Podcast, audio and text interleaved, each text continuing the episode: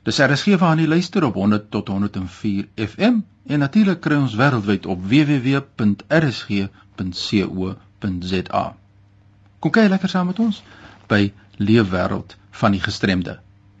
In 'n vorige program het ons die verskillende forme van artritis bespreek en ons gaan hierdie gesprek voortsit. En my gas is Annelie Roos en sy is 'n fisioterapeut. Welkom by RSG Annelie. Hallo Fanie, baie dankie.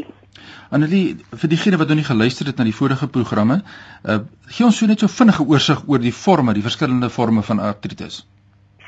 Van die mens kry twee soorte artritis. Die eerste een is osteoartritis. Dit is 'n tipiese oorbrei-siekte. Dit kom voor by pasiënte wat 'n gewrig te veel gebruik, soos byvoorbeeld 'n rugby speler of iemand wat baie hikel of so. En dan as daardie gewrig nou nog gelaai word deur meer gewig word dit erger. Hierdie pasiënte is belangrik om te onthou hulle is nie stemies siek nie. Hulle het net seer gewrigte en pyn is hulle eerste simptoom met bietjie styfheid daarbey wat gewoonlik vinnig ophef in die oggende. Teenoor dit het ons die reumatoïede artritis. Dit is 'n ernstige sistemiese siekte.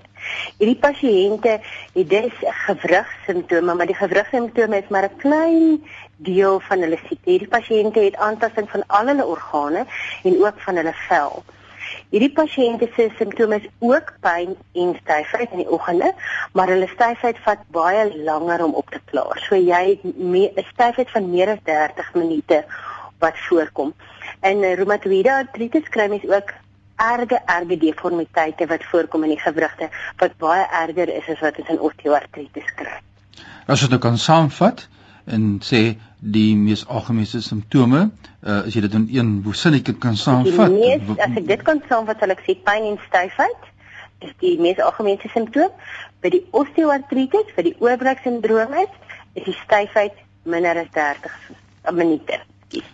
En as dit in die reumatoïede artritis is die styfheid langer. Dit kan 2-3 ure duur in die oggend wat die pasiënt se styfheid voorkom. En hulle het die sistemiese siekte daarmee saam. Ek kyk by ons by die leefwêreld van die gestremde. Ons kyk na toestande wat gestremdheid tot gevolg het en ek selfs met Annelie Roos, sy's 'n fisioterapeut en ons het in 'n vorige program het ons gekyk na hierdie verskillende forme en tipes en vandag vat ons dit 'n bietjie verder en ons praat oor behandelingsopsies. Wat sê jy vir ons daar as mens na die twee tipe forme kyk? Fanny moet osteoartritis omdat dit 'n oorbreek siekte is, sal ons die gewrig nou probeer beskerm. So as ons die gewrig beskerm, gaan ons sy gewig minder maak. So as die pasiënt oorgewig het, sal ons voorstel dat die pasiënt gewig verloor. En dan gaan ons die gewrig moet begin beskerm. Ons sal ehm um, vir die pasiënt oefening voorstel en die oefening wat ons vir die pasiënt voorstel, wil ons die impak op die gewrig verminder. So ons sal vir daai pasiënte sê byvoorbeeld om hidroterapie te doen, binne 'n swembad te oefen of om as hulle net net maar wil draf of wil stap op grasperk te oefen met skoene of tekkies met goeie ondersteuning en binnesole. En dit is belangrik dat hierdie pasiënte sal aanhou met hulle oefening en aanhou met hulle leefstyl. Hulle moenie gaan sit nie want dan word hulle al hoe stywer. 'n laaste resort as ek dit sou kan stel van behandeling wat ons op hierdie pasiënte dikwels gebruik is as die pasiënte inkom en hulle gewrigte het baie seer gekry sal die ortopede vir ons 'n uh, artroskopiese operasie doen wat hulle die gewrigte skoonmaak en in baie ernstige gevalle dan 'n vervanging doen. Maar dit hoef mens amper nie te doen nie. Dan met die reumatoïede artritis omdat dit 'n sistemiese siekte is is hulle behandelings op die eerstens medikasie daar is in die laaste paar jare geweldige revolusionêre ontwikkeling op hierdie pasiënte se medikasie. Daar is nuwe medikasie deesdae beskikbaar wat hulle biologiese medikasie noem wat fisies amper soos orgaanoorplanting is wat hierdie pasiënte elke 6 weke tot elke 6 maande kan kry. Dit is baie baie duur, maar kan die siekte self so amper in remissie plaas. So dit is baie belangrik dat dat, dat hierdie pasiënte by die regte dokters uitkom en dit is die reumatoloog dan is hierdie pasiënte ook, hulle moet die regte oefening kry. Hulle stel ons dit voor dat as hulle in hierdie slegte tye is van inflammasie, moet hulle net rus. En as dit bietjie beter gaan, moet hulle dan oefen om weer hulle optimale krag te verkry. En hierdie pasiënte is ook pasiënte wat ons dikwels vir gewrigsvervanging stuur, baie meer dikwels as die pasiënte met osteoartritis. Nou ja, Annelie Roos, sy's 'n fisioterapeut en ek wil weet wat is die rol van die fisioterapeut in hierdie rehabilitasieproses as ek dit so kan stel? Van elke pasiënt is uniek en wat ons doen met hierdie pasiënte is ons neem hulle in die praktyk in en ons gaan evalueer hulle van kop tot toe en ons gaan kyk watter gewriggies is styf. Wat klassiek gebeur met inflammasie is ehm um, chemiese stowwe wat afgeskei word deur inflammasie vorm bindweefsel. En hierdie bindweefsel is dit wat ons in die gewrigte en in die liggaam kry. Dis hoekom ons heeltyd probeer om die inflammasie te beperk sodat ons die vorming van die bindweefsel beperk. So wat ons fisioterapeute doen is ons gaan soek die stywe gewriggies.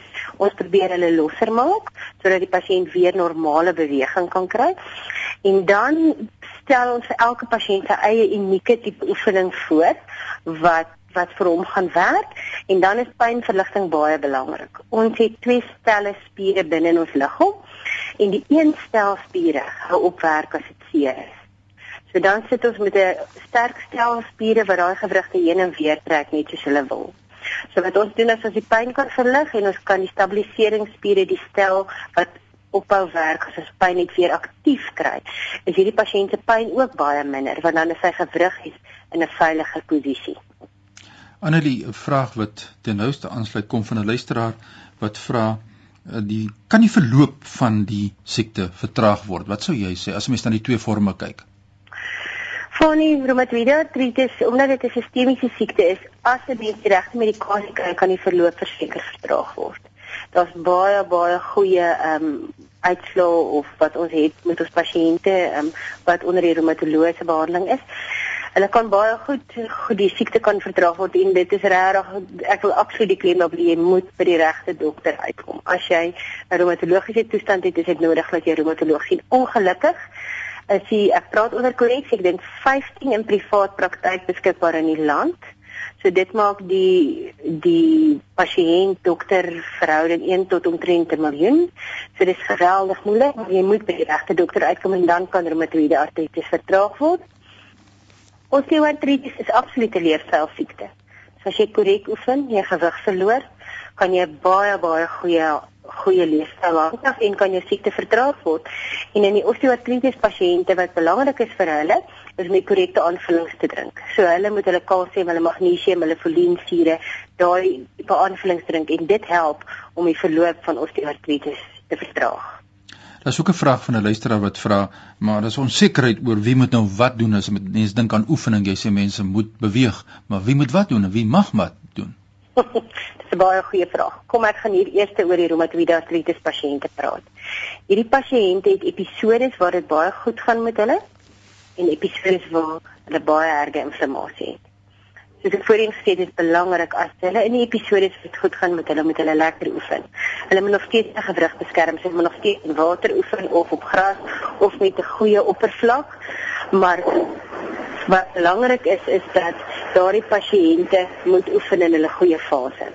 In hulle slegte fase kan hulle dan een of twee maal 'n dag bloot hulle gewrig deur vol omvang vat en dit sal hulle veilig wees.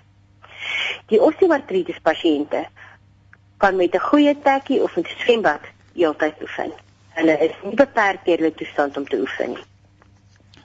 Nou ja, eh, die tyd is so vinnig besig om uit te hardloop. Jy het net verwys na verskillende terapie, hidroterapie. Kan jy net so ter afsluiting van ons program, ons het ons so 2-3 minute oor, net uh, ietsie sê oor hidroterapie? En dan gaan ons in 'n volgende program verder gesels oor uh kan 'n mens oefening doen terwyl jy inflammasie het en uh, watter hulpmiddels is beskikbaar en algemene raad aan die publiek. So u moet asseblief hierdie program lewe wêreld van die gestremde volg want ons gaan in 'n volgende program inligting deurgee wat ons nie vandag kan hanteer nie. Maar kom ons sê toe ter afsluiting afsluiting van ons program ietsie oor hidroterapie? Hidroterapie is 'n baie nuwe behandeling wat nou uitgekom het van nie wat belangrik is is as jy die pasiënt tot die borsbeen in die water is, oefen 'n pasiënt met 10 10% van liggaamsgewig. So vir 'n pasiënt wat 80 kg weeg, beteken dit dat as hy in die water oefen, oefen sy knie maar teen 8 kg wat wonderlik is en dit wat jy vir die dit is wat jy vir die pasiënt wil gee. So 'n knie wat al baie seer gekry het deur het sy reumatoïde artritis of osteoartritis kan binne in die water optimaal funksioneer. 'n Ander ding is dat op as ons op die land oefen het ons bloot die effek van gravitasie. So as ons ons arm byvoorbeeld optel boontoe, het ons die effek van gravitasie, maar as ons laat sak, of ons nie teen weerstand nie. Waar in water is enige beweging in enige rigting is teen weerstand. So die pasiënt kan in 'n halfuur in die water baie meer oefen as wat hy in 'n halfuur op die land kan oefen sonder al die neeweffekte. En dit ons het regtig baie baie goeie resultate met ons pasiënte wat in die water oefen. Daar is nou baie mense wat wonder oor hierdie uitdagings en wat graag verder na jou sal wil luister in 'n volgende program Annelie. Maar as mense nou met jou in aanraking wil kom of met die organisasie wat jy het om mense te ondersteun met artritis waar kan hulle kontak? Die Vryheid Artritis Stichting is daar vir die wêreld van die gestremde. Die kontakpersoon daar is Corrie Briwer dit is in Bloemfontein by 082 921 4234 Herhaal vir ons daai nommer van Corrie. Dit is Corrie Briwer by 082 921 4234.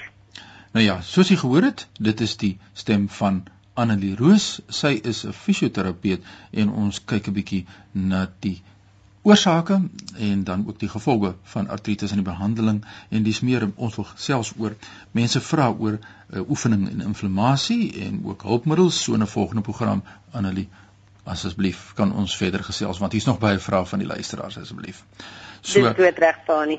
Baie dankie dat jy met ons gesels het vanmiddag en ons program gee net weer vir ons daai kontak besonderhede deur. Dit is die Vrystaat Artritis Vereniging en dit is Corrie Briwer by 082 921 4234. Nou ja, baie dankie sterkte vir julle daar ons gesels. Baie weer. dankie. Indien jy enige voorstelle of vrae het, as jy 'n storie het om te vertel, stuur asseblief 'n e-pos aan my by fani.dt by mweb.co.za. Onthou hierdie program word Woensdaeoggende om 3:15 herhaal. Tot tot volgende week ja. Groetnisse uit Kaapstad.